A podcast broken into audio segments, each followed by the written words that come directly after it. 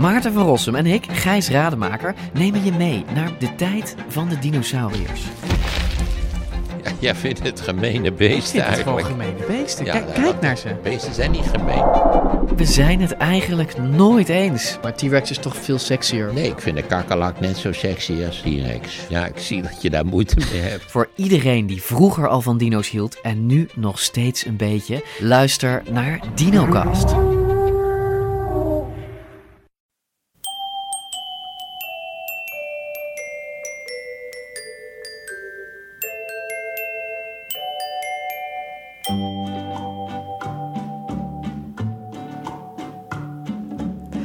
Welkom bij aflevering 45 van de Echt Gebeurd podcast, waar echt gebeurde verhalen worden verteld door de mensen die het zelf hebben meegemaakt. In deze podcast het verhaal van Tim Kamps, opgenomen tijdens Into the Great Wide Open op Vlieland. Dus mocht u een krekel horen chirpen, dan komt dat allemaal door de ongerepte natuur. Het thema was gestrand.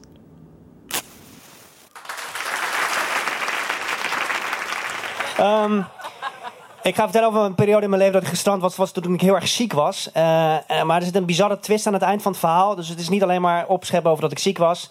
Dus niet dat jullie denken dat ik daar ja, heel erg trots op ben of zo. Maar ik was dus ontzettend ziek.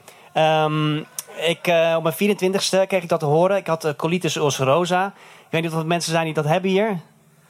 Het is best wel veel voorkomend. Ik weet niet, nee? Ja? Ook, zij heeft de ziekte van corona. Ja, prima. Dat is iets anders, maar het lijkt erop. Ehm, dat is een ontsteking van je dikke darm. Eh, en mijn oma had het ook. En eh, die had een stoma. Dus eh, dat was verschrikkelijk. Ehm, ik, ik had het ook, maar ik had het een stuk erger dan mijn oma. Dus mijn hele dikke darm was eigenlijk helemaal ontstoken. Dat was, dat was heel heftig. Ik werd er heel erg ziek van. Ehm, je moet dan een onderzoek doen. en dan krijg je een slang van achter. Dat is echt zo'n dikke slang. Ik dacht eerst nog, oké, er komt nog een klein slangetje uit met een cameraatje in. Maar hij gaat er echt in zijn geheel in. En dat is echt verschrikkelijk. Dus dat onderzoek moet je echt tien keer per jaar of zo. En ik moest heel veel medicijnen slikken. Ik denk, denk dat ik op de hoogtepunt ongeveer 20 eh, pillen per dag slikte. Ik werd heel dun. Ik zag er ontzettend slecht uit. Ehm, ehm, dus dat was verschrikkelijk. Ehm, wat gebeurde er toen? Oké. Nou, op een gegeven moment was het gewoon duidelijk dat die pillen niet meer werkten. Dat ik dus eh, niet meer reageerde op die pillen. Want ik, eh, die pillen waren ook heel erg. Er zat prednison tussen, dat is heel heftig. Maar ook Imuran. En op Imuran, dat is een soort bijsluiter. En er staat op eh, bijwerking de dood. Serieus. Dus ik vond, dat, ik vond het heel heftig om te slikken. En mijn dokter zei ook, ja, als je er niet achter staat, als je het slikt, dan, dan werkt het ook niet. Dus ik dacht, ja, wat zijn er voor rare medicijnen? Maar goed. Op een gegeven moment kreeg ik, was het zo erg. We kregen een infuus van medicijnen. Dat heet Remicade. Dat krijg je ingespoten in je, bloed, eh, in je bloedbaan. En dat is. eh, dat komt er een, een zuster binnen met een mondkapje en handschoenen. En dacht ik echt. Ik lig hier en jij krijgt het in mijn aderen. Ja, ik moet dat gewoon doen. Nou, dat was verschrikkelijk. Ja, goed. Ehm, ik werd steeds zieker, ik werd steeds, zieker, steeds dunner. Ik, voor, voor, als voorbeeld, ik ben nu 65 kilo. Ik weeg nu op mijn zwaarst. En toen woog ik 50 kilo, dus hier 15 vanaf. Ehm, dat is echt bizar. Ik was een soort skelet. Ehm, dus op een gegeven moment zei mijn arts, nou, het werkt niet meer, je dikke darm moet in zijn geheel uit. En ik wist helemaal niet dat het kon, maar dat kan dus blijkbaar. Je kan heel goed zonder dikke darm leven. Ik, eh, je krijgt dan een, je dunne darm in een lus gelegd. En dan snijden ze ertussen, wandjes ertussen uit. En dan heb je een soort reservoir. En je dunne darm is zo slim, die neemt de functie van je dikke darm gedeeltelijk over. En je functie is dat je, dat je, je kak heel dik wordt. Dus dat is wat volgende uitgaat. Oké, het is bizar dat ik het allemaal vertel. Maar goed, ehm, dus ehm, hij zei dikke darm eruit. Ik zei, nou oké, ja prima. Ik had er ook geen zin meer in. Ik dacht, haal maar uit. Dus ik werd geopereerd eh, door eh, dokter Drummelkamp. En ehm, het grappige is dat hij ook Kim van Kooten heeft geopereerd. ik weet niet of ik dit mag vertellen, maar... Ze is het toch niet? Eh, die heeft precies dezelfde operatie gehad. En ik kwam ook in contact met Kim, want die, dokter dacht ook dat ik een bekende Nederlander was. Die zei tegen mij: Heb je al gehoord van Kim? Ik zo, wie? Ja, Kim Coco, die heeft hetzelfde jij. Ik zo, nou oké, dan belde ik op. Nou, hebben we heel over gepraat. Het was wel fijn om iemand eh, te kennen die het hetzelfde had. Eh, maar goed, ik werd dus geopereerd met dikke darmen uit en ik lag daar. En ehm, het was best wel heftig, want je dunne, je dunne darm moet zich heel erg gaan rangschikken in je buik. Dus dat was, eh, ja, dat, ik kreeg heel veel kramp. En dan heb ik een week niet kunnen eten. Ik woog toen 50 kilo, er ging nog 10 kilo vanaf. Dus ik woog tot 40 kilo. Dus het ik had niks, ik had helemaal niks meer. Ik kon niks meer. En die zusters, die waren best wel heftig. Die zeiden, ja, je moet echt gaan eten, want eh, ja, je darm moet op gang komen. Ik zei, ja, ik kan niet eten, want ik moet het gelijk eruit. Ja, maar je moet niet zo eigenwijs zijn, je moet gewoon gaan eten. En zei ik tegen mijn moeder, jij moet gewoon gaan eten. En mijn moeder was ook trouwens heel erg, die, liep op, die kwam de afdeling elke, dag op. En dan zei ze tegen elke zuster gedag. Ze zei, dag zuster, dag zuster. Nou, dat is verschrikkelijk. het kostte heel veel energie voor mij en ik was al heel zwak. Dus uh, totaal geen steun aan mijn moeder. mijn broer ook niet, stond zo aan mijn bed. Wat doe je? Goed. Nou, ik, ik werd steeds zwakker. Ik voelde dat mijn krachten verdwenen. Ik kreeg hartkloppingen. Ik merkte dat ik, gewoon, dat, het gewoon, dat ik het gewoon niet meer aankon. En ik wist dat sinds ziekenhuis doen ze soms uh, in, je, in je ader, vlak bij je hart, doen ze soms extra voeding. Dat is een soort wit spul. En dat doen ze niet graag, want jouw darmen komen dan niet op gang. En dat wilden ze niet bij mij doen. Die zussen nee, dat gaan we niet doen, want je darm moet op gang komen. Je moet gewoon gaan eten. Ik zei, ja, maar ik wil die voeding. Ik kan niet. Ik kan niet eten. Ik kan niet eten. Ik deed het ook voor. Ging zo eten en kotsen waar ze bij waren. dat is echt verschrikkelijk. Goed. Uh, dus ik kreeg die, dat eten niet. Ik, ik, kon niet meer. Ik had een week niet geslapen. Ik was woog 40 kilo. En op een gegeven moment, midden in de nacht, toen ik echt dacht, nou, dit is gewoon klaar. Ik kan niet slapen. Stond er eens een man aan mijn bed in een witte jas.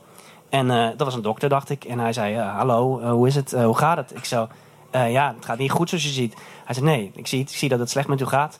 Um, ik zei, ja, ik wil graag dat die voeding... en die zussen willen me dat niet geven. Oké, zei hij, oké.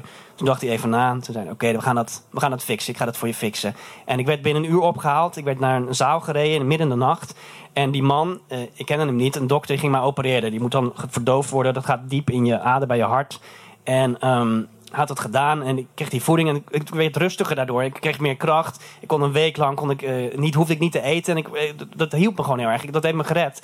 En uh, die zusters waren allemaal verbaasd. Ze wie, heeft dat, wie heeft dat dan bij je gedaan? En ik legde uit hoe die man eruit zag. Ik zei, dat is een man met een soort ja, haarpony en een douchejas. En ik legde uit hoe hij eruit zag. En die zei, ja, we kennen helemaal niet. We weten helemaal niet wie die man is.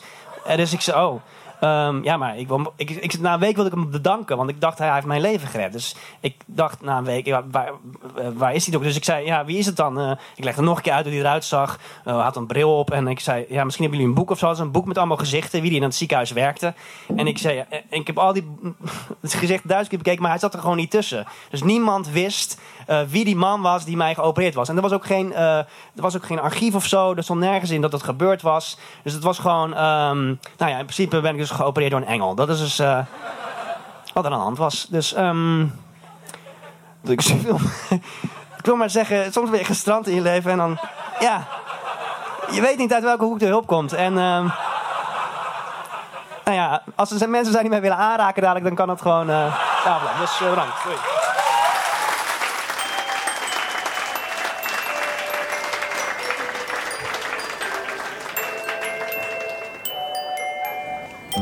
Dat was Tim Kamps, een van mijn favoriete cabaretiers. Hij houdt de werkelijkheid altijd een heel klein beetje scheef. Komend jaar gaat hij even niet optreden, maar hij blijft wel iedere ochtend om kwart over negen te beluisteren met zijn eigen column op Radio 3FM bij Giel Belen. Kom trouwens vooral eens langs bij Echt Gebeurd. Op 13 januari is het thema Macht. Dat is om 4 uur in Theater Walhalla in Rotterdam.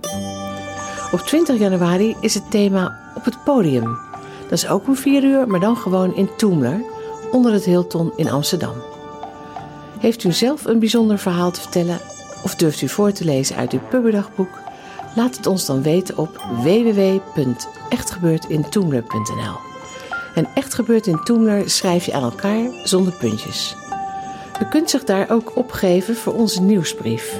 En we zijn ook te vinden op Facebook. De redactie van Echt Gebeurd bestaat uit Micha Wertheim, Paulien Cornelissen, Rosa van Dijk en mijzelf, Eva Maria Staal. De techniek is in handen van Vrijman en Vrijland. Dit was de 45ste podcast van Echt Gebeurd. Bedankt voor het luisteren en tot de volgende podcast. En vergeet niet, beter één engel aan je bed dan tien in de lucht.